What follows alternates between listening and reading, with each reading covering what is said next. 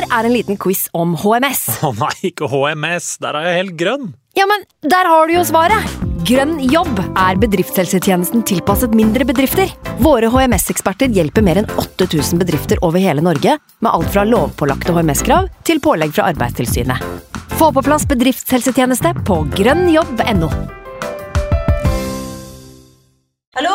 Jeg kommer fra Oslo politikammer. Ine Jansen er purk. Er du purk? The motherfucking bitch. Alt jeg vil, er å finne ut hva som skjedde med mannen min. Jon Carew. Er jeg sikta for noe? Iben Akeli. Det er du. Ole So, Lars Berrum og Big Daddy Karsten. Hvem sin side er du på, egentlig? Anette Hoff, Tone Danielsen, Kommer du fra Afrika? Jørnis Josef, Nesten. Kløfta. Trond Espen Seim, Det er synd å si det, men det var feil mann som døde. Purk. Premiere tirsdag på TV2 Play. I can't believe it. Football, bloody hell.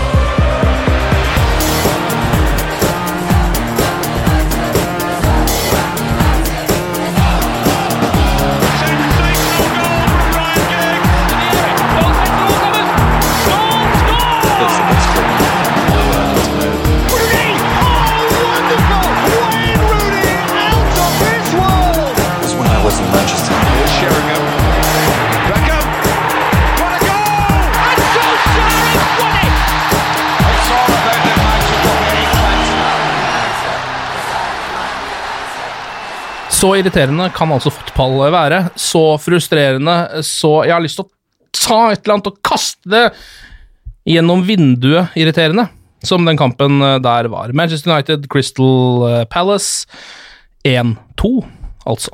Andreas Hedemann, en gammel traver her på podkasten, velkommen til deg. Jemba, jemba! det er jo en av de eh, tingene som er eh, litt fint. Selv om det går litt dårlig, så får jeg i hvert fall møte mine gode venner Ja, og sitte og snakke ja, ja, ja. om Manchester United. Sindre Wian fra United.no, velkommen til deg også. Tusen hjertelig takk. Hvordan tapte Manchester United denne fotballkampen? Nei, eh, vil du begynne, eller? Eh, det kan jeg godt. Ja. Eh, litt for lite kreativitet eh, bak de som ligger på eh, linja, bakerste linja til Palace. Mm. Så vi har ikke den spilleren som på en måte Eller vi har ikke nok spillere som kan slå de pasningene, og vi legger så utrolig mye ansvar på Paul Pogba til å gjøre alt det kreative offensivt, men også store deler av jobben defensivt. Så han har på en måte sinnssykt mye å gjøre. Vi forventer dritmye av han, og så har vi litt for få initiativ, og vi har eh, litt for få som kan slå den boks-åpner-pasninga, som Lingard i tierrollen ikke får til Nei. per Altså, nå. Det kan jo hende vi har den spilleren. Vi vet ikke, fordi han er veldig ung og uprøvd og heter Angel Gomez og sitter på benken. Eh, så det kan hende vi har han, Eh, men eh, kanskje ikke helt ennå. Nei. Um, og det er jo det, Vi visste jo om dette problemet med at uh, liksom den Skal kalle det tierrollen, da. Mm. At der er det litt uh, tønt hos Manchester United. Der har vi liksom Mata og vi har Lingard, egentlig. Uh, og så har vi jo, som du var inne på, Sindre, liksom lagt det på Paul Pogba sine skuldre og egentlig spille både sekser og tier. Mm. På et eller annet vis. Jeg syns det er litt fascinerende at uh, på en eller annen finurlig måte så har på en måte både tierrollen og høyreving, som har vært store problemer de siste årene, uh, der har løsningene vært både Lingard og Mata. I, Ja, i, be, i, begge, rollene. ja. Det syns jeg er veldig fascinerende. Ja. Uh, og at det ikke har ringt en haug med varselsbjeller på Old Trafford og Carrington og overalt hvor Manchester United befinner seg. Ja, det er jo merkelig det der. Så Manchester United har jo en tendens til å få tak i folk som kan spille ganske bra på venstreving og ganske bra i midten. Men Ja. ikke så mye mer. Men det, ja, det var kreativitet, men vi må jo sette sjansene vi kommer til òg, da. Uh, det gjorde vi ikke. Nei. Nei. Du tenker på straffesparket først og fremst, eller? Eh, Blant annet. Men, men Ja. det er liksom sånn eh, vi- vet jo at vi mangler en proven verdensklasse angrepsspiller i laget. Vi har ikke eh, Aguero, Aubameyang, Sala, Kane, du vet. Mm. Kliniske avsluttere. Det har vi ikke. Fordi vi har valgt å gå for en strategi som heter rebuild og talent, ungt United-talent. Eh, Rashford og Greenwood, for eksempel, de kan jo bli Bale eller Kane. Mm. Det kan hende de blir det. Eh, Jeg er litt mer skeptisk til om Martial blir Henri. Eh, Det Ja. tror jeg ikke på lenger. Men de kan bli det. Eh, Foreløpig er det ikke det, men strategien vår er jo å satse på at de blir det en gang. Ja, og så har vi jo eh, disse spissene du ramsa opp. Vi hadde jo håpa at Lukaku skulle bli den spissen for oss. Eh, og så har vi jo um, kvitta oss med Lukaku, og jeg tror ikke det er så mange som nødvendigvis syns det var et dårlig valg, men det er en 75 millioners uh, spiss som ikke er erstatta. Definitivt. Mm. Uh, og så var det jo faktisk en kamp uh, som ble akkurat sånn som vi sa før sesongen. Vi, før sesongen så satt vi her og sa det kommer til å bli en ekstremt underholdende sesong, om ikke annet. Eh, eh, vi kan slå lag som City og Liverpool, men vi kommer også til å tape mot lag som Past Palace og Sheffield. Kanskje. Fordi det er et ungt og eh, uprøvd mannskap som kommer til å variere i prestasjonene. Ja, men Um, det, ja, altså, um, prestasjonene er jo én ting, resultatet er jo på en måte en annen ting. Men her føler jeg jo at uh, den prestasjonen mot Palace lå jo uh, altså, ikke bare langt under den mot Chelsea, men langt under den mot Wolves også. Mm. Så er du ikke enig i det? Det er jo den Helt enig. det, er, det var jo en hvis vi, altså sånn, vi skal se litt på litt forskjellige ting her, men ehm, bare tallene Hvis du har sett på løpstallene til Manchester United i den kampen, det er noe United ennå også har vært innom.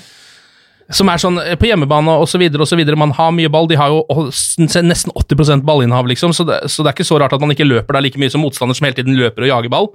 Men jeg syns, ehm, når det er snakk om eh, 18 km i forskjell på de to lagene i løp, mm. det sier ganske mye om energien og innsatsen som ble lagt ned på den matta. da. Og det, er, det syns jeg er litt sånn eh, Akkurat det eh, skulle man ikke tro at Manchester United skulle slite med. Jeg trodde, det var, jeg trodde liksom eh, alle disse spillerne hadde nok tro på dette prosjektet, at de skulle legge igjen ballene sine ute på den matta etter hver jævla match. Mm. Og definitivt ikke når det er det som på en måte har vært Solskjærs første og største argument alltid. Mm. Vi skal løpe mer enn motstanderen, vi skal være bedre trent. Hele poenget med denne preseason har vært å være bedre rusta fysisk. Eh, da er det rart at vi ligger 18 km under.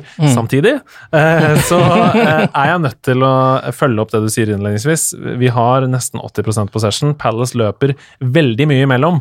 Eh, og jeg syns ikke at det nødvendigvis er et positivt tegn hvis du ser bak løpstallene eh, og bare løper rundt som skadeskutt eh, høner, bare for å få opp løps liksom, Ja, ja, kilometerlengden. ja Det, men, Men, men ja, at skade av et par initiativ til. Det er akkurat det. Og innsatsen var ikke på samme nivå som mot Chelsea, for Nei. eksempel. Nei.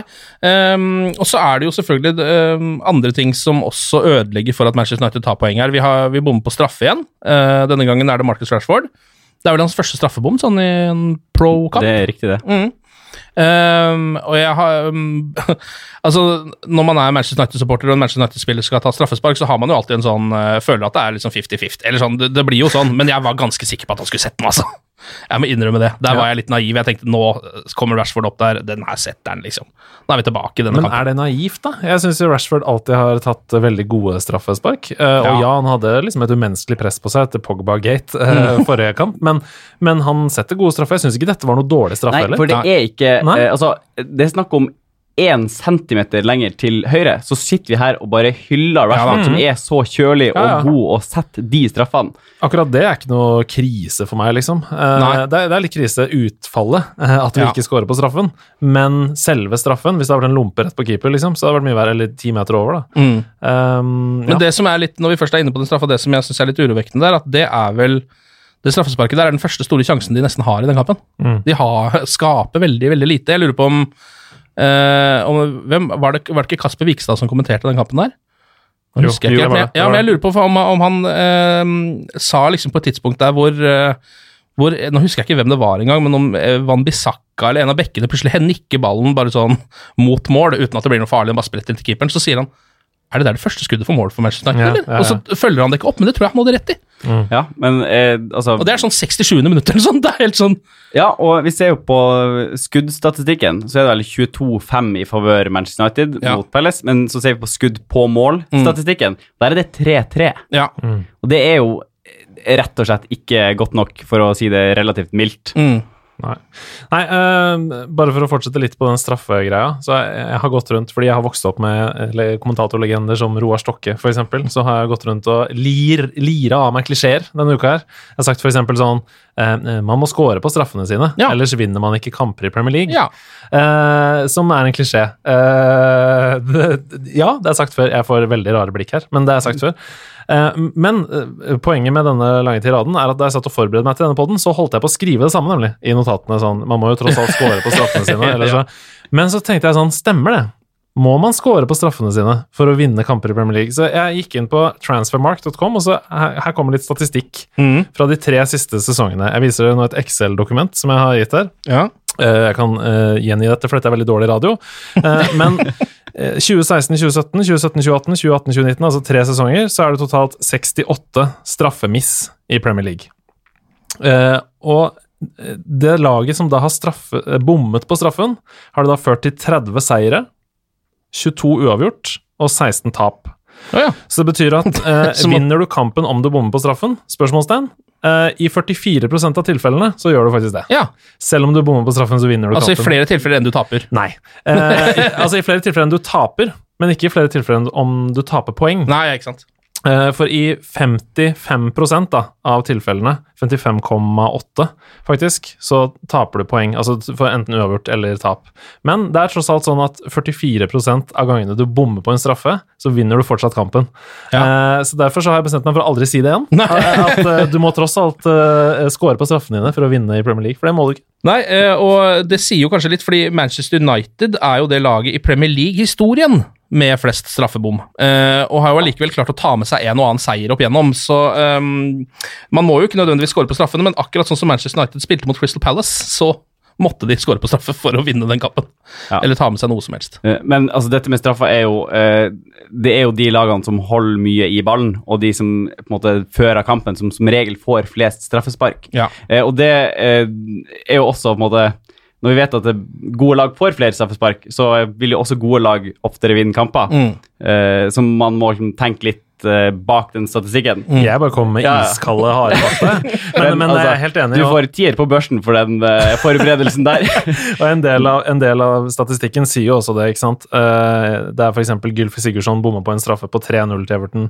Eh, Firmino bommer på en straffe på 4-1 til Liverpool. Ja. Ikke sant? Det, så, Riyad Mahrez bommer på alle sine, og City vinner allikevel. ja, ikke sant. Ja, og for å på en måte ta litt mer statistikk, da. Eh, så United har bomma på flest straffespark i Premier League-historien, ja.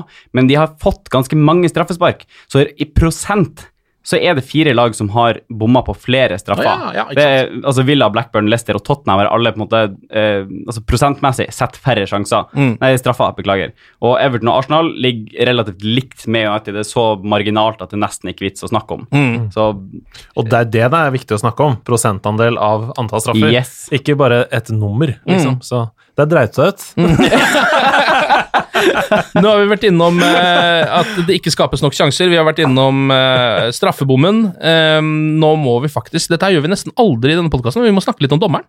Ja. Fordi akkurat i denne kampen så kommer man ikke utenom det, føler jeg.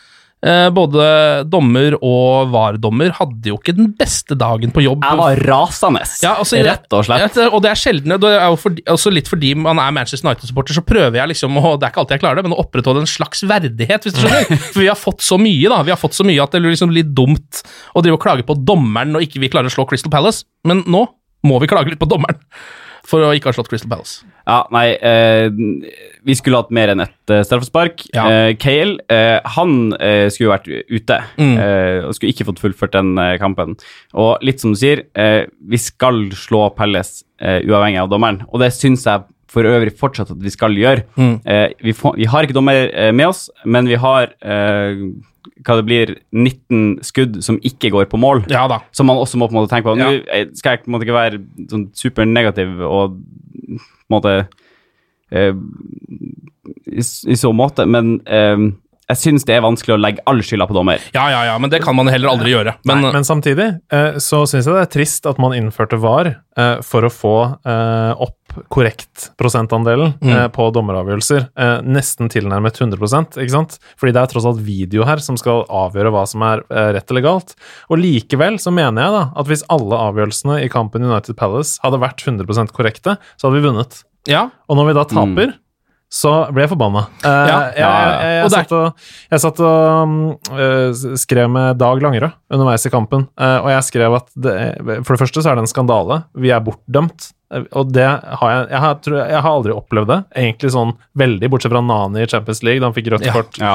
Og vi røyk ut, og vi var klart det beste laget, og Mourinho sier etterpå at det beste laget tapte, osv. Det er den forrige gangen jeg følte på det, eh, men dette er på grensen til kampfiksing, skrev jeg underveis i kampen. Ja. For sånn føltes det, da. Ja, det det var gjorde bare sånn, og når kremtoppen på kremtoppen på slutten der kommer når James blir stempla ned og får gult kort for filming For andre kamp på rad! det da, provoserende. da var jeg bare sånn Det er sjelden jeg skrur av TV-en uh, når jeg ser United, men det var så nære! Det var så nære! Ja.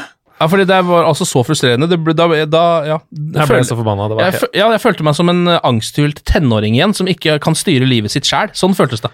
Men bare, jeg må bare ta det jeg får her. Det er akkurat det, og det er akkurat som du sier, det er så døvt å gå ut på Twitter og begynne å klage over det, for det er sånn å, utakknemlig United-fan, Ja, ja, ja. dere tapte ærlig og redelig, og så bare Ja, greit, det er ikke noe vits, vi bare holder det inne på vår hemmelige Facebook-gruppe. ja. Ja, men, men, altså, men det er jo veldig reelt at vi ble eh, Vi fikk veldig mye mot oss der. Eh, så det ja, eh, litt sånn én fot i begge leirer. Vi skal ikke Ja, klage bare på dommer, Ja. men vi må på en måte få lov til å være bitter og sur for Ja, det, jeg syns jeg. Ja, det syns jeg faktisk man har litt lov til å være litt bitter for. For sånne ting eh, er Det er ren bortdømming, og det er eh, rett og slett Det er uprofesjonelt av en dommer som jobber med dette her, mener jeg, da. Ja, ja, ja. Å gjøre så grove feil som dette med hjelp fra video! Altså, Ja, det, akkurat fra begge, At begge to, det sitter to folk her og gjør hverandres feil på en vis. For han ene tar ikke ansvar fordi han andre skal gjøre det, og så blir, går det i en elendig loop, og det er VAR-situasjonen i England akkurat nå, da. Som er helt annerledes enn den er eh, i Italia og i Spania, hvor det også gjøres masse grove feil, men jeg føler at der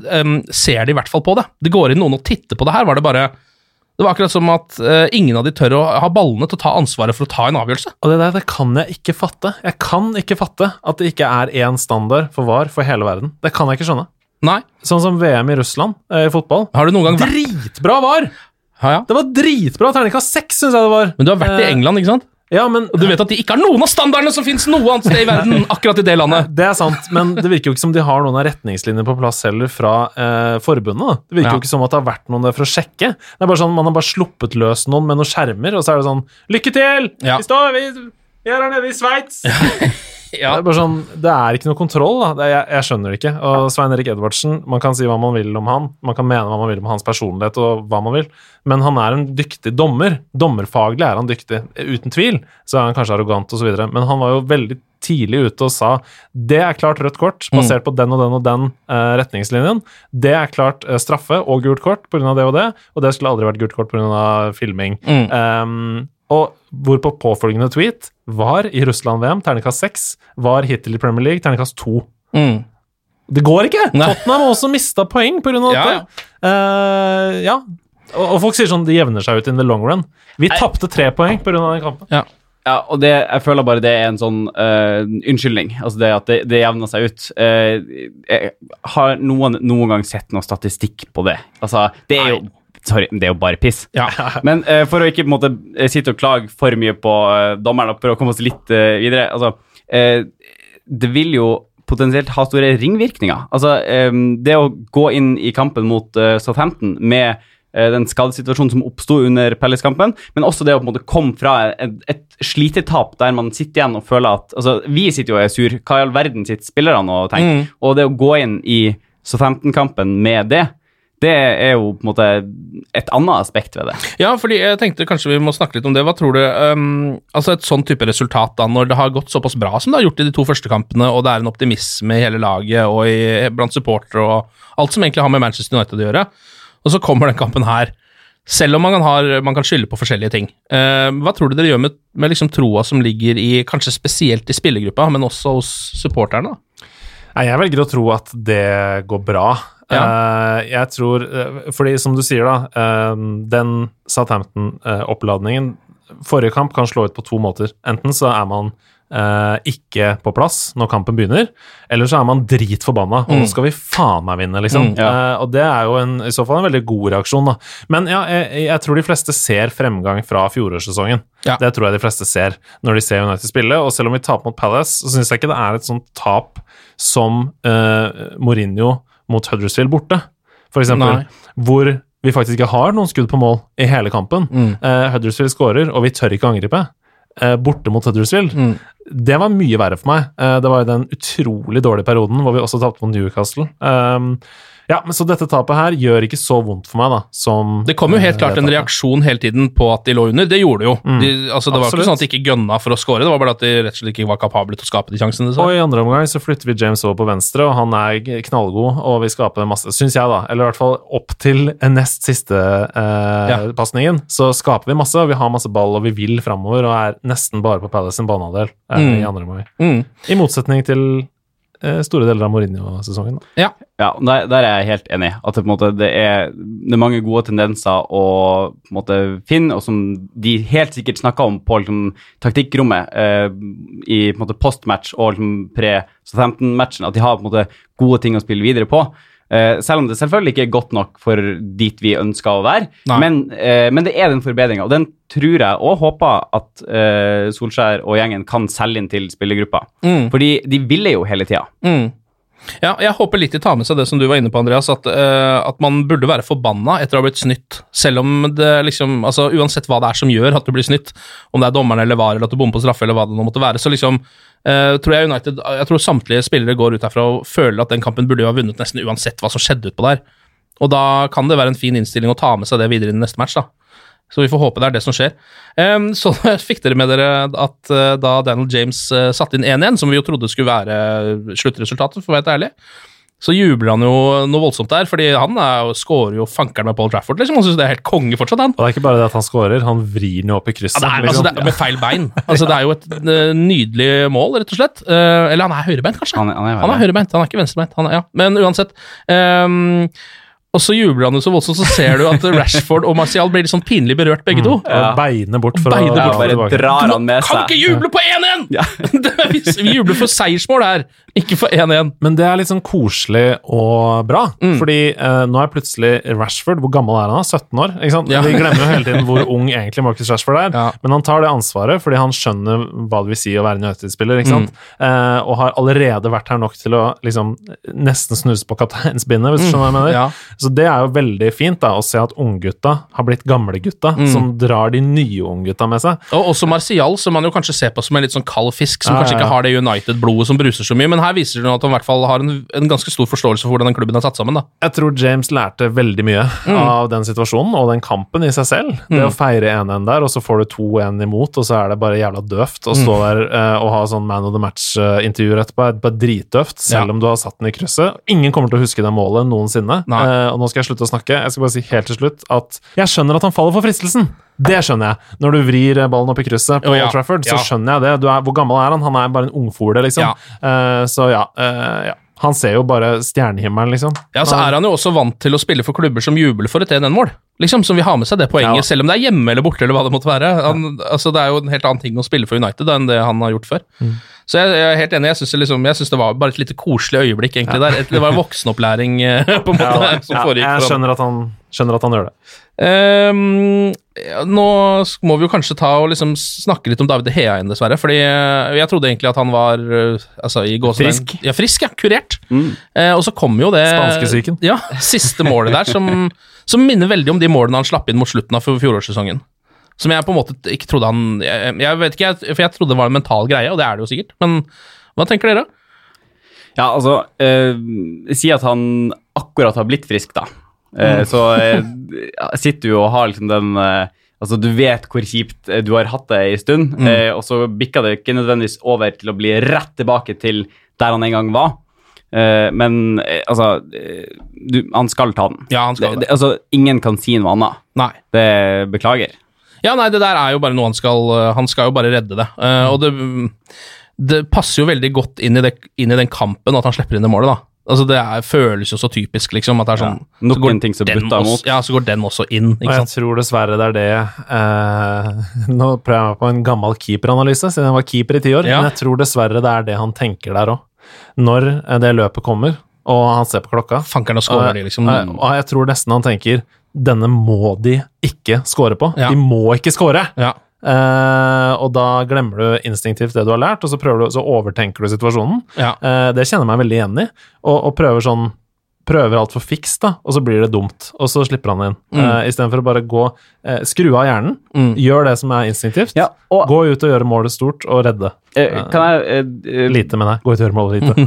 Gjør det stort. Kan jeg prøve å bidra litt på den eh, analysen, bare liksom spesifikt på DGA? For eh, når eh, begynte han å gå ned med hendene først på de der? Han Ja. går jo alltid med beina. Det er Ja, det som har på vært hans greie. Mm. Eh, og- Det er jo når han går ned med hendene at han slipper det inn. ja, det har han og, gjort flere ganger. og det er nok veldig i tråd med det du sier, at han, altså, hvis du overtenker det, så glemmer du Eller man unngår å gjøre det naturlige man er vant til å gjøre, Mm. og så Arsenal på bortebane i fjor, eh, eller er det to sesonger siden, da han redda sånn 17 skudd Ja. eller noe sånt, Ja. eh, og vi vinner kampen. Eh, for det var bare instinktivt på instinktivt på instinktivt, fordi Ja. skuddene kommer sånn bam, bam, bam, rett på trynet hans, og da må han bare handle eh, det som sitter i ryggmargen, Mm. og det er å slenge beina og armene ut, liksom.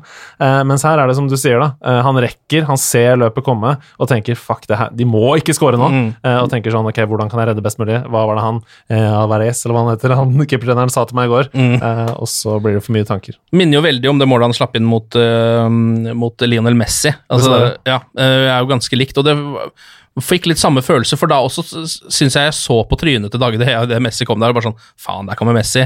Nå må han ikke score, nå må han ikke score. Og så bare sånn Å, heldig, å det er drittskudd, faktisk. Å nei, der gikk han inn. Skjønner du? at det er liksom sånn Han rekker liksom å senke garden rett før ballen bare fyker inn. Um, skal vi dele ut noen poeng til Uniteds eh, aller beste spillere i tapet mot Palace? Det var jo ikke, noe- altså, det var jo ikke en eh, grusom kamp, selv om det var veldig mye som butta. Hvem er det dere vil trekke fram? Uh, eh, Jeg vil ha Jeg kan begynne med én. Mhm. Vi kan ta annenhver én, sånn at vi ikke avslører hverandres topp. Ja, det er gøy. Det er gøy. Ja. Um, jeg syns Ashley Young kommer inn og gjør en decent jobb. Ja. Uh, det, det er få å trekke fram som veldig gode spillere. Uh, han kommer inn, uh, er jo altså løper jo litt i motbakka i eh, klubben blant supportere og slikt. Det viste jo sommeren veldig tydelig. Og det at han kommer inn eh, og på en måte gjør jobben og Han eh, har en del offensive bidrag. Eh, han har vel ei pasning til James som eh, Mm. holder på å bli eh, scoring, som bare er en blokkering unna å på en måte treffe mål. eh, etter en strålende pasning fra Pogba. Men eh, jeg synes også defensivt Ja, han får seg noen rundturer med Saha der, men han kommer opp, han får blokkert det, og han på en måte eh, Ja, jeg syns han fortjener et poeng. Jeg er helt enig, for han er jo en spiller som får mye tyn, og det er egentlig fortjent, det også. Fordi han har vært ganske dårlig eh, Ja. tidvis, Ashley Young. Altså, men det var veldig gøy, eh, den lille eh, piruetten han hadde med Sa der, hvor, eh, som han fått så, altså, ble så mobba for etterpå, på Twitter og sånn. Og så kommer jo Andros Townsend ut, lagkameraten til Ja. Wilfred Saha, og, og forsvarer han. Det synes jeg var litt fint, for han sier jo bare sånn Her har vi en eldgammel, rutinert back, liksom, mot en, en av de kjappeste, aller beste vingene i ligaen.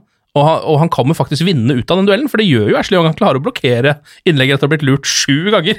så, Eh, det er jeg helt enig i. Eh, Hvem har du på ett poeng, Andreas? Bare lese notatene mine her. Ett poeng. Young. Bra da han kom inn.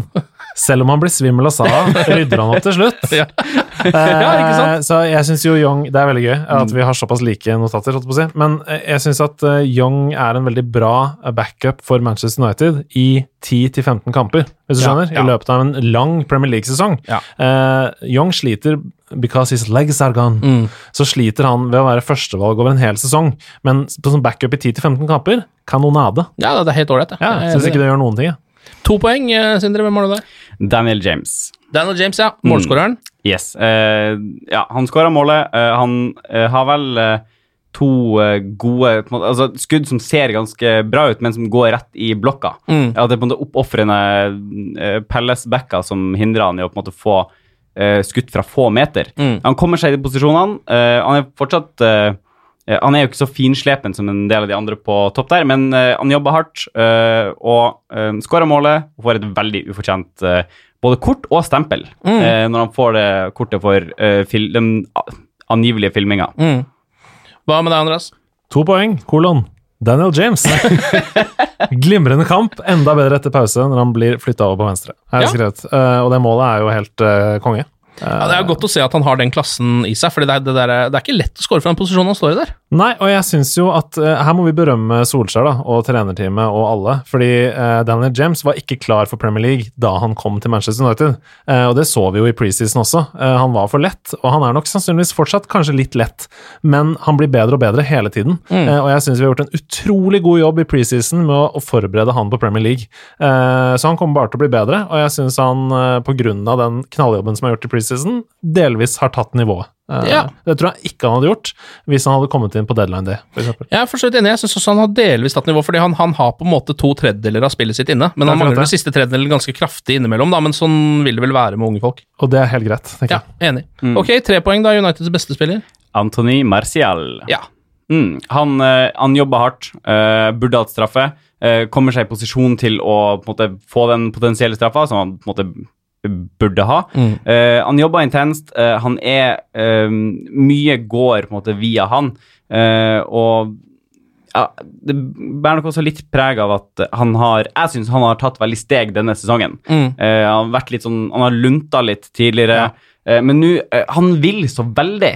Uh, og vi har jo alle visst veldig lenge at han er en veldig god fotballspiller, bare han vil. Mm. Og nå begynner han å ville igjen, eh, og det eh, gir utslag. Det virker Eh, som det har vært viktig for han å få den sentrale plassen, og ikke Ja. minst nieren på drakta, faktisk. Men han er jo en mye bedre midtspiss, syns jeg det virker som, enn enn han er kantspiller. Han mist, han, ehm, selv om han er ganske driblesterk, syns jeg han mister veldig mye ball når han er på kant og så prøver å gå forbi. Det er ikke så ofte han får det til som man skulle tro, men han mister sjelden ball eh, når han er i midten. Ja, og, og det er den vendinga han uh, gjør i forkant av det straffesituasjonen som Mm. ikke blir noe av, den er jo et kjempegodt eksempel på Mm. akkurat dette. Eh, og jeg syns også, uh, det kan hende jeg, feil, jeg tar feil, og jeg er jo ingen på en måte, fotballfaglig personlighet, men at um, vi så mer av uh, Rashford og Martial sin på måte, posisjonsbytting Mm. i første kampen, men også i preseason. så så ble det snakka litt om hvem skal spille på topp, og selvfølgelig ting er dynamisk, og man rullerer på posisjoner, men jeg syns vi ser litt mindre av det mot Palace enn det vi kanskje gjorde mot Chelsea. Ja. Mm. Ja, det virka som Marcial kanskje hadde liksom på en måte vokst seg litt inn i den spissrollen og ville ha gjerne være der i, i midten, som jeg for så vidt også kan forstå. Men kanskje også at han har på en måte fått løyve til det. Ja. At han på en måte fått lov til å bli der litt mer. Mm. Um, og han har jo, eh, Rashford har jo en mer eksplosiv uh, akselerasjon, Mm. så jeg syns det er greit at han ligger på kanten òg. Ja, jeg er enig. Det er veldig surt å tenke på når du først snakker om Antonin Marcial nå, så husker dere der at han tråkker på ballen helt på slutten av Mm. eh, på 1-0, det som skulle vært 2-0. Åh, så irriterende det var. Og det, ja, ga jo noen tegn for hva som skulle komme. Men Andreas, hvem har du på tre poeng? Tre poeng. Kolon. Antony Marcial. Ja, ser? Ja, ser du. Nei, eh, han står bak alt vi skaper som er farlig, syns jeg. Ja. Uh, han skulle hatt to straffeassist Ja. hvis det hadde vært en helt vanlig dag på jobben. Mm. Uh, han er jo den som sørger for rødt kort på Cahill, som Mm. ikke blir noe av, det røde kortet. Mm. Uh, men jeg syns han gjør en fin kamp, og er instrumentell da, i det vi skaper. Og det er liksom gøy det du sa med nieren, fordi han er åpenbart utrolig stolt over det. Ja. Og det er det som er så gøy. Han, han la vel ut på Instagram eller Twitter eh, bilde av nummer ni Mm. da han fikk tilbake det tallet. Så man skal ikke undervurdere den mentale effekten av det. Altså, det er så, bare for enda en klisjé, fotballklisjé, men det er så små marginer i toppfotball at eh, det mentale har selvfølgelig veldig mye å si. Ja, men jeg, Eh, ja, men, altså, jeg husker jo selv da jeg spilte, men da var jeg jo på en måte Jeg var jo en unge, da. Men da jeg var sånn 15-16, var det utrolig viktig for meg å få det tallet jeg ville ha før kampen på drakta. Hvis ikke spilte jeg dårlig. Ja. Og ble sur. Ja, men man var jo stolt da òg. Ja, ja. Selvfølgelig. Det var sånn det var.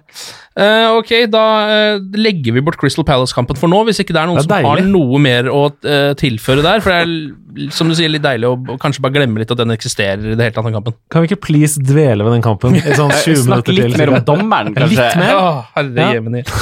Ehm, en av de store nyhetene som har kommet i løpet av de siste par dagene, er jo at Alexis Sanchez lånes ut til Inter.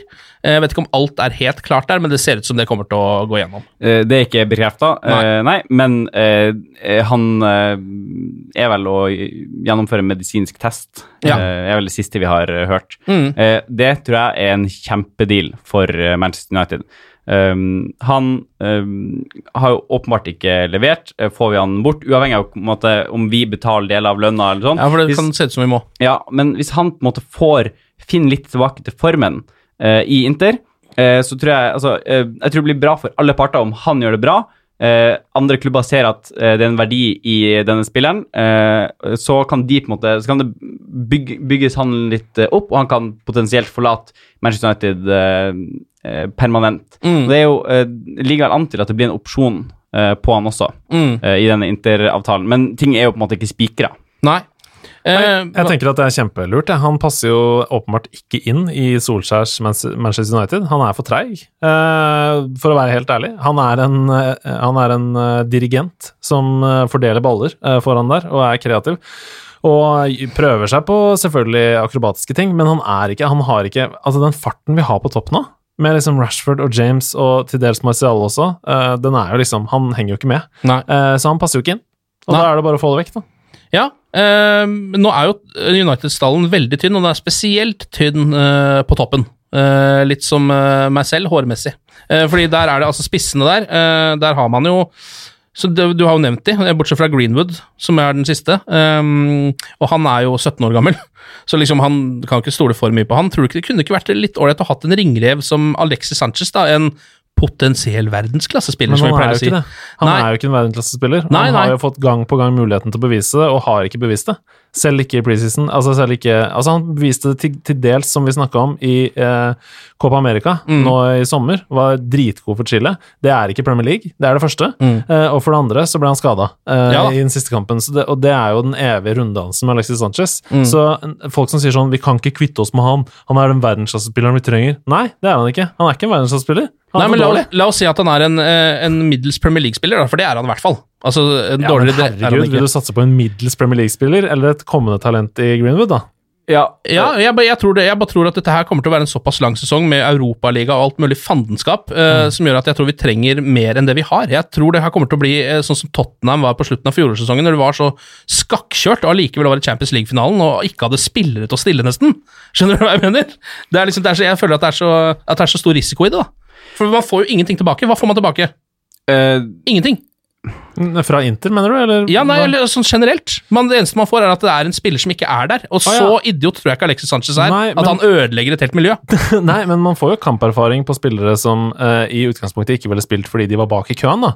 Ja. Uh, det får man jo. Kanskje, ja. Uh, og det er Mm. sånn, Vi spilte jo borte i Paris mot PSG med Garner og Greenwood Garner and Greenwood and Chong, som er Mm. min versjon av, Ja. av Sanchez, og Paul Pogba and Fred. Ja. Um, og det gikk jo dritbra, det. ja da. Så ja. Ja. vi heller det enn Alexis Sanchez. Ja, og han tjener jo altfor mye. Eh, det gir et signal eh, at eh, du er nødt til å prestere. Eh, også eh, i kontraktsforhandlinger eh, så har vi på en måte slitt med Pogba og De Gea. eh, fordi eh, Hvorfor i all verden skal ikke de fortjene like mye som Sanchez, når de er veldig veldig mye bedre, spiller mer og på en måte eh, har større stjerner hos supporterne også? Så på en måte, klubben har ingen gode argumenter for å ikke gi dem tilsvarende, om ikke bedre lønn. Det er også et aspekt man må legge i dette, som man mister hvis eh, Sanchez eh, får på en måte dratt til Inter. Eh, og det tror jeg kan være eh, en, eh, måte også en dytt i dette Solskjær-prosjektet. For prosjektet er jo ikke bare det som skjer innenfor eh, fotballbaner, det er jo det som skjer rundt også. Og han har sagt at, eh, han sa vel tidlig at han skulle eh, satse litt på unge, skulle rydde opp litt i stallen. Eh, Det har gått litt eh, sakte, men nå begynner det å skje litt grann, eh, med han og også eh, Småling, ser det ut som. Darmen òg, for så vidt. Ja. Eh, og det eh, er jo en viktig del av et generasjonsskifte. Mm. Eh, og eh, det er vel få som forventer at vi skal kjempe helt i toppen denne sesongen. Uh, selvfølgelig, Det kan uh, slå ut som du sier, at vi på en måte havner i en situasjon der vi får en skade for mye og et par kamper for mye eh, på mm, et uheldig tidspunkt, og at vi kunne trengt en sånn spiller. Eh, men da er vi på en måte i en situasjon der jeg tenker at eh, man like gjerne, eh, som du også er inne på, kan bruke eh, en ung spiller som ellers ville stått et hakk lenger bak i køen. Ja. Og, jeg, og jeg, jeg gir jo deg unødvendig mye motstand her. Det er bare for å skape diskusjon, og Ja, ja, at ja, det skal være spennende å høre på. Ja. men, men, for jeg mener jo eh, kanskje 80% av det jeg sa nå, eh, veldig sterkt. Og så er det liksom 20% som kjenner sånn det er digg å ha Sanchez i bakhånd, eh, Mm. i tilfelle, liksom. Eh, men, jeg, men sånn som vi er nå, så føler jeg at jeg må det er som med politikk, du kan ikke være 100% enig med alle partier, liksom. Du må se bort fra noen hjertesaker for å få fremgang, Ja. eh, på en måte. Ja. Og akkurat nå så ser jeg bort fra at det hadde vært greit å ha Sanchez i bakhånd, fordi jeg tenker at jeg vil heller tape eller spille uavgjort med Tahit Chong i den posisjonen. Ja, Eh, sånn, eller, Ja. eh, eller han på høyre og eh, James på venstre. Mm. Um, fordi de er fremtiden. Sanchez har aldri vært nåtiden engang i Manchester United. Nei. Eh, nei, eh, det, det kan være med på den. Det er bare, jeg syns det er et eller annet bare som um, er litt urovekkende med å um, kvitte seg med både Lukaku og Alexis Sanchez, liksom, og så egentlig ikke få inn noe. Ja, ja. Daniel James har kommet inn, det, det uh, skal jeg anerkjenne, men ikke få inn noen som er i nærheten av å være en erstatning for noen av de to, da. Nei, det mangler eh, angrepsspillere Ja. eh, i Manchester United nå fordi vi har kvittet oss eh, med dem. Og det Mm. er åpenbart. Akkurat som at det mangler sentrale midtbanespillere fordi vi har kvitta oss med Fel- Fellaini og Herrera og ikke erstatta dem. Mm. Også litt overraskende at eh, Antonio Conte er så keen på liksom sånne eh, United-flopper. Det er liksom det han går for. Han har kjøpt to av de i år, og det skal liksom bli Det verste er at jeg tror Lukaku tror jeg kommer til å slå gjennom noe uh, veldig. Jeg tror han kommer til å slå masse mål i serien. Og han skåret mål i første kampen sin. Ja, ikke sant. Mm. Ja, tap in. Uh, Ja, tap in, ja. eh, Svak retur fra keeper. Han burde skåret på den. Ja, ikke sant. Eh, Statistikken bryr seg ikke om det. Chris Smalling var dere innom. Roma henter han sannsynligvis, gjør du ikke det?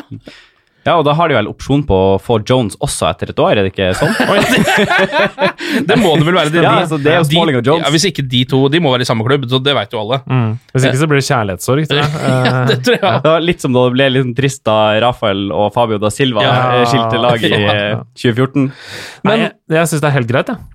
Eh, ja, vi tynner jo ut stallen. Eh, Og jeg skulle helst sett eh, både Jones og Rojo og Darmian ut før Smalling, uh, av de gutta bak der. Ja, ja. Eh, mener jeg, da. Jeg mener jo at eh, det er et tidspunkt i denne podkasten for to år siden, tror jeg, at jeg sa at jeg gjerne vil beholde Jones fremfor Smalling. Så jeg kan jo fremstå veldig smart nå og si sånn ja, det, det er det jeg har sagt hele tiden, vi må ha Jones uh, isteden. Men det mener jeg ikke. Jeg mener per dags dato at Smalling er en mer solid eh, midtstopper enn Jones er. Ja. Han er så skadeutsatt i tillegg Ja. Uh, at eh, Jones og Bailly uh, Bailly hadde jeg glemt nå, de gjør, ikke, de gjør jo ikke så mye annet enn å fylle uh, fysiorommet mm. på Carrington. Så greit, helt greit at Smalling går. Han er ikke god nok for å spille på Manchester United. Men konklusjonen blir at eh, Jones, Rojo og Darmian burde gått før han. Mm. Men hva skjer med Darmian? Er det noen som vet det? Er han, eh, han, det er jo noe snakk om Serie A men der òg, er det ikke det? Men jeg vet ikke hva det blir. Jeg. Jeg, jeg tror ikke det er like langt i noen prosess Nei, som verken Smalling eller uh, Sanchez er. Nei. Men nye rykter i dag, faktisk rett før vi gikk inn i studio her, om Darmian. da. Så nå er jo navnet hans oppe igjen. Det er jo en ganske lang stund nå hvor ingen har snakka om Darmian i det Mm. hele tatt, men nå, nå nevnes han, eh, og at det sies at det jobbes med en overgang til Italia. Ja. Eh, så ja, han kommer til å gjøre det knallbra der, han. Akkurat Ja, som at eh, Blindt har gjort det helt strålende i Nederland. Ja. Ehm, ellers så syns jeg det er litt gøy at Zlatan driver og flørter med United nå, selvfølgelig. Uh, Apropos folk som ikke passer inn i Solskjærs system. ja, det er ikke, han er ikke noe spiller for prosjektet, for å si det sånn, men, men sånn helt seriøst. Det hadde vært litt gøy, hadde ikke det? Fått tilbake Zlatan. Han hadde skåret tolv mål, han. Ja, altså, uh, det er jo selvfølgelig sjarmerende å ha eh, den kosegutten på topp. det skal ingen måtte eh, ta fra Zlatan, men eh, ah, det blir jo en sånn uh, euforisk drøm å, å få han dit, og at det skulle fungert, men det Ja. vil jo det vil jo bare eh, klikka i engelsk presse og Ja, ja, ja. så mye kritikk. Men Ja, for grunnen er jo det er jo ingen andre eh, altså seriøse toppklubber eh, noe sted som ville henta Zlatan. Altså som City eller Liverpool ville ikke henta Zlatan, liksom. Men, men det er jo Jeg vet ikke. Det er, jo- det, er, eller sånn, det er et eller annet med at han For det første er han jo Zlatan, det er jo én ting. Eh, han har vært der før, det var litt uforløst. Han er fortsatt i kjempeform, som jo er veldig gøy. Han skårer helt sykt spektakulære mål. Og han kunne jo ha vært årets Fellaini, altså mannen man setter inn på på slutten av kampene. Når du Man- trenger en heading. Mansukic, tenker Ja, du på? Som ja. Ja, nei, eh, jeg bare gjentar det jeg sa. Han passer ikke inn nei. i Solskjærs United. Det blir en eh, Jeg tror ikke det er en drøm engang. I hvert fall ikke for meg. Jeg tror, det, Eh, jeg tror dette er bare kødd. Jeg tror det er kødd Ja, fra ja, ja, ja. Ja, men så helt seriøst, jeg tror det er kødd fra hans side også, med en liten tanke om at kanskje det kan skje. Skjønner, skjønner, han er- Ja, nei, jeg, i, altså Hvis man skal tenke seg det insane scenario, at vi resignerer Zlatan Ibrahimovic nå, så hadde han jo vært en eh, solid figur i garderoben. Eh, det vet vi jo. Vi vet at han var veldig viktig mm. faktisk da han var her, og viktigst utenfor banen. Vi ser det også i Europaligafinalen når han står der på krykker og bare maner folk fram. Mm. Eh, så han er jo åpenbart en viktig figur i garderoben, som vi savner og mangler. Mm. Eh, men spillerkvalitetsmessig så har han nå vært en hva er det han sa, en Ferrari blant Ladar, eller Ferrari blant Fiats, var vel han Mm. Ja. sa, i et par sesonger. Eh, og det gjør noe med deg som fotballspiller. Ja. Eh, så jeg tror ikke han ville gått inn. Jeg tror ikke han ville skåret tolv mål i Premier League Nei. eh, i det hele tatt. Han ville vel ikke ha spilt tolv kamper fra start heller, sannsynligvis. Han ville nok ikke det. Men som du sier, altså, det ville jo vært eh, fantastisk for eh, altså, Martial og Rashford og Greenwood å Mm. måtte ha en liten halvtime med Zlatan etter treninga. Ja, for det er jo det som er litt eh, Altså, litt av Jeg vet ikke om det er liksom eh, noe sånn direkte kritikk som har kommet mot Solskjær-prosjektet, men når man tenker seg om, så pleier jo et sånn type generasjonsskifte å bestå av et par eh, legender, liksom. Et par skikkelig rutinerte veteraner, og så kommer de unggutta på. Solskjær mangler jo de veteranene. Han har liksom på en måte Det nærmeste han kommer, er liksom Mata. Ja, og han resignerte jo Mata av Mm. den grunnen, Ja. nemlig. eh, for at det skulle være en mer eh, smooth transition. Mm. Uh, å gi han et ettårskontrakt, sånn at han kan være en, et forbilde, som jo klubben også gikk ut og sa. Uh, men ja, det er som du er inne på, det er ikke så veldig mange andre enn Mata. Nei. Det burde blitt gjort da um, Valencia, Carrick, Rooney, uh, Mm. Van Persie til dels altså var fast i startoppstillinga, Ja. eh, og man kunne forsvare det. Mm. Det var da man skulle på en måte begynt å Da vi heller henta Fellaini. Og Schweinsteiger. Og Schweinsteiger. Mm. og gjorde det omvendt av et generasjonsskifte. Eh, ellers er det jo litt eh, Jeg syns det er litt deilig å se at eh, Van Bissaka nå er på landslaget. Etter å ha kommet til Manchester United og spilt bra i noen kamper, så er han rett inn på landslaget. Eh, og skal da konkurrere mot eh, ja, Kyle Walker, blant annet, så vi får jo se om han får liksom spilt seg til en plass der. Men det er jo gøy, da. Mm. At han får debutere på landslaget. Sier også litt om kraften Manchester United på en måte har, for han var akkurat like god da han spilte for Crystal Palace for et år siden, men da var han liksom ikke i den diskusjonen. Nei, nei. Eh, og så er det jo Southampton som er neste. Både Shaw og Martial er skada. Eh, Ja. Virker det som. Så Martial er vel heller ikke klar til den kampen, sier rapportene. Eh, det, det er all usikkert, Ja. men eh, det heller jo mot at det ikke blir med Martial på topp, Ja. Mm. slik Eh, jeg har forstått det. ja. Du det kan også være feil. ja. Ja, nei, sånn forstår jeg det også. Jeg tenker heller at uh, det ikke er noe vits i å ta den risikoen, for han er så viktig for oss denne Mm. Ja. sesongen. Så uh, Southampton borte bør vi klare å vinne uten Martial. Men uh, du skrev Men Crystal Palace hjemme bør vi også klare å vinne med Martial. Men nå har vi Altså, fått, uh, nå har vi fått kaldusen, okay. nå har vi tatt isbadet, og så går vi inn i saunaen mot Southampton og vinner 4-0. Nei, men um, du spurte på forhånd hvem skal ta deres plasser, Mm. Skrev du på melding til meg. Eh, og på venstre bekk så er det jo da Young, Rojo eller Darmian, da. Ja. Eh, eventuelt hvis det blir en slags Dalot, Van Bissaka-rotasjon. Dalot er vel skada. ja, han også Da, da er det ikke noe, Glem det jeg sa der. Mm. Eh, kan eventuelt kanskje putte Lindeløf. Han har vel også vært putta ut på venstreback eh, Ja, mange ganger. han Men har det er med all sannsynlighet, vi så det i preseason også, så blir det sannsynligvis enten Young eller Rojo eller Darmian eh, der ute. Ja, og så snakkes det vel litt løst om han eh, Brandon Williams, hvis det er det han heter. Han Ja. eh, unggutten, 18-åringen fra U23-laget Mm. som kan komme opp og gjøre noe. Jeg tviler jo sterkt. Det altså. Eh, Young la inn en ganske god søknad på å få den plassen. Jeg er ganske sikker på at det blir. Ashley Young, altså, Ja, det tror jeg som starter eh, på venstreback. Når det gjelder i fremste ledd der, så tror jeg vi ser scenarioet som jeg var så vidt innpå her i stad, at vi kommer til å flytte James ut på venstre, og så setter vi Greenwood på høyre. Tror jeg. Ja, og Rashford i midten. Ja. Mm. Eh, for James var strålende på venstre i andre omgang mot Palace. Eh, helt eh, kanoninnsats. så så backplassen den svekker jo selvfølgelig laget mye. Mm. Eh, men jeg syns det er mer spennende foran der. Eh, også i tillegg til den potensiale planen da, som jeg skisserte der, så har vi jo liksom Chong, Mata, Gomez som kan gå inn i en tier, putte Lingar ut. Mm. Altså det er, noe, det er noe greier som kan skje der. Eh, så jeg syns det, det er mer spennende enn skummelt i fremste ledd. Mm. Ja, jeg er enig. Det er, ja, det er mer skummelt i, med bakover, på Mm. en måte. Mm. Men, men akkurat Young er jeg, selv om han eh, er så som så, så er jeg på en måte sånn Jeg stoler også litt på han. Han er jo en ringrev, liksom. Det er ikke sånn Det er ikke, det er ikke så ofte han som driter seg ut, altså. Og som du var inne på i stad, han har offensive bidrag også, eh, så lenge han ikke slår ballen i førsteforsvarer. Ja, Mm. Det liker han jo å gjøre. Ja, eh, men hvis han kan legge fra seg den Barcelona-kampen eh, lite grann, Ja. eh, så, så så vi jo at han Han kan jo han, han kan jo når han vil. Eh, og så et annet, på en, måte, en annen ting man må tenke litt på, er at man møter eh, Southampton eh, på deres hjemmebane. Mm. Eh, så man vil jo møte et lag som gir mer kontringsrom enn det vi fikk mot uh, Crystal Palace. Og det er jo, uh, slik Manchester United-troppen uh, ser ut nå, og laget ser ut nå, så er det jo kontringa som er Ja. der vi er best skikka. Ja, absolutt. Det så vi jo veldig tydelig mot Chelsea. Chelsea. Ja. Mm. Strålende. Mm, veldig.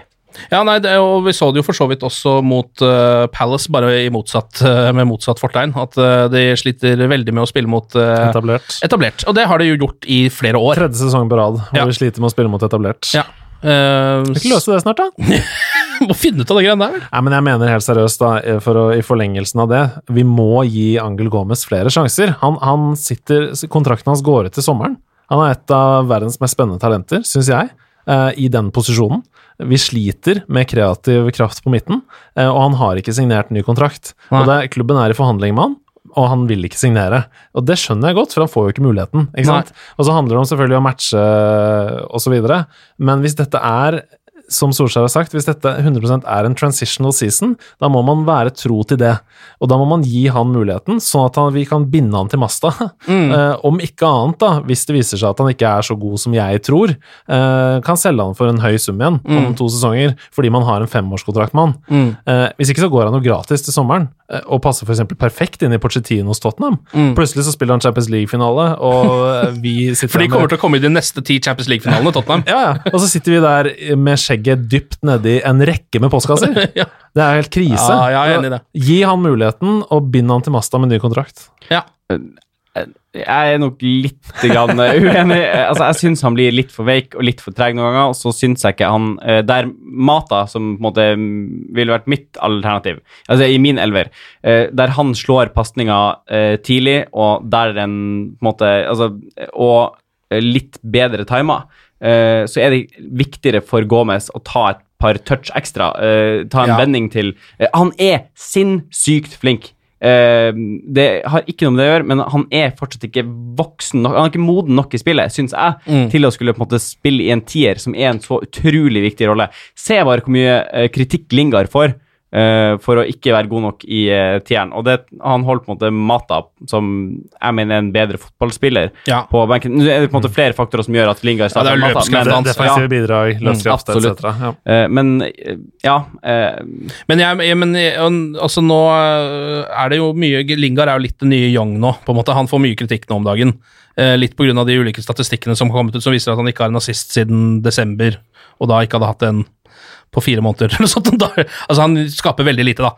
Ehm, men, men jeg syns det er så tydelig nå altså, at han øh, ødelegger så mye av det offensive spillet til Manchester United at jeg mener at Juan Mata må starte neste kamp. Eller Lingard kan nesten ikke gjøre det. Nei, nei. Da må vi heller bare dri da, altså, da får vi heller bare presse litt mindre. Da vi, kan vi i hvert fall klare, kanskje skape noe i første ballen. Jeg syns jo ikke at det, Lingard skal starte i det hele tatt. Og, og jeg syns heller ikke vi skal bekymre oss for på en måte Altså, herregud da, folkens. Det er Southampton. Vi må da kunne risikere lite grann. Vi må kunne risikere eh, at vi har en tier som ikke har de samme defensive bidragene, f.eks. Ja, ja, sånn som Mata, da. For eksempel. Eller Gomez. Mm. ja, ja. Eh, Jeg er som dere hører veldig fan av unge folk, Ja. Eh, men jeg er også veldig fan av Juan Mata. Og jeg er sikker på at hvis han starter den kampen, så gjør han et kjempebidrag. Mm. Og scorer eller har en assist. Det er jeg sikker på. Hvordan har egentlig Southampton sett ut? Har dere sett noen av kampene deres? De har vel tapt to og vunnet igjen, eller sånn? Er det det? Et eller annet sånt, tror jeg. Jeg syns de ser bedre ut enn i fjor. Eh, men de er fortsatt ikke gode nok. Altså, det er nedre tredjedel Ja. eh, på det laget. Mm. Eh, og det sårer nok Klaus Lundekvam, for eksempel. ja, for eksempel. Ok, er det noe dere vil legge til før vi ønsker lykke til mot Southampton?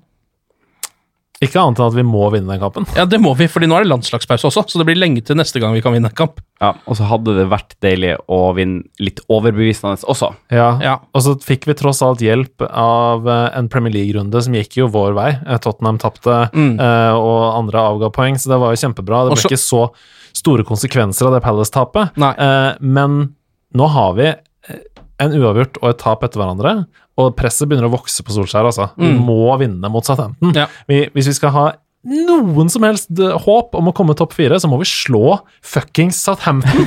det må vi, altså. Så samme om det er borte eller hjemme, drit i det. Vi er United, og vi må vinne kampen. Kjapt resultattips på slutten her, Andreas. 3-0.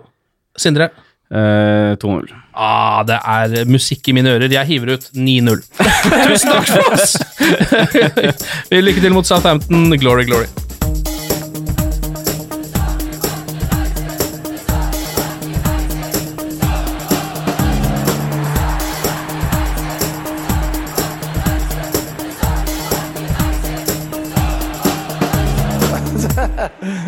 True.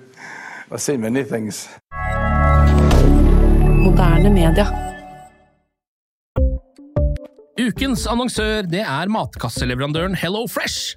Der kan du velge mellom 25 ulike oppskrifter hver uke, eller få Hello Fresh til å sette sammen en meny for deg. Jeg sparer tid på å handle, oppskriften er veldig enkel å lage, og så får jeg akkurat det jeg trenger da, til hver eneste rett, så jeg slipper å kaste så mye mat som jeg vanligvis gjør. Det er også litt deilig å faktisk slippe å gå på butikken, ikke bare fordi det er tidkrevende og sånn, men fordi man ender opp med å kjøpe så mye greier som man egentlig ikke trenger, sånn som fire poser eh, Smash og en kick med havsalt, eksempel. Det er ikke det du egentlig er der for, du er der for å kjøpe, kjøpe middag. Så det er en veldig eh, kjekk ting. I tillegg så er det jo eh, ferdigporsjonerte ingredienser, det blir mindre matsvinn, og du betaler bare for det du faktisk trenger, og det du faktisk da spiser. I tillegg så blir det da levert på døra til et eh, fastsatt tidspunkt, sånn at du kan få det akkurat når det passer for deg eh, sjæl. Hvis Hello Fresh høres ut som noe for deg, så har jeg en rabattkode du kan bruke også. Gå inn på hellofresh.no og bruk koden HelloUnited24.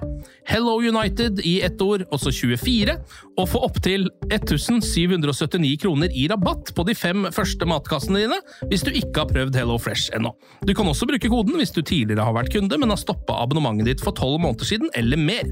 Det er ingen bindingstid, og du kan pause eller avslutte abonnementet ditt akkurat når du selv måtte ønske. Husk koden HelloUnited24, og bon appétit! Ukens annonsør er Folio, en smartere banktjeneste for deg som har en egen bedrift eller ønsker å starte for deg selv. Folio er en superenkel nettbank for bedrifter.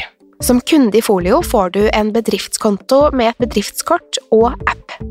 I denne appen er det smarte løsninger som forenkler regnskapet ditt, uansett om du har en liten bedrift eller et enkeltpersonsforetak.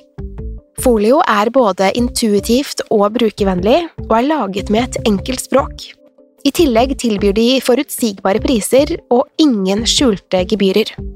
Skulle du likevel trenge det, så kan du snakke med deres raske og hyggelige kundeservice, og der får du prate med en faktisk person og ikke en chatbot.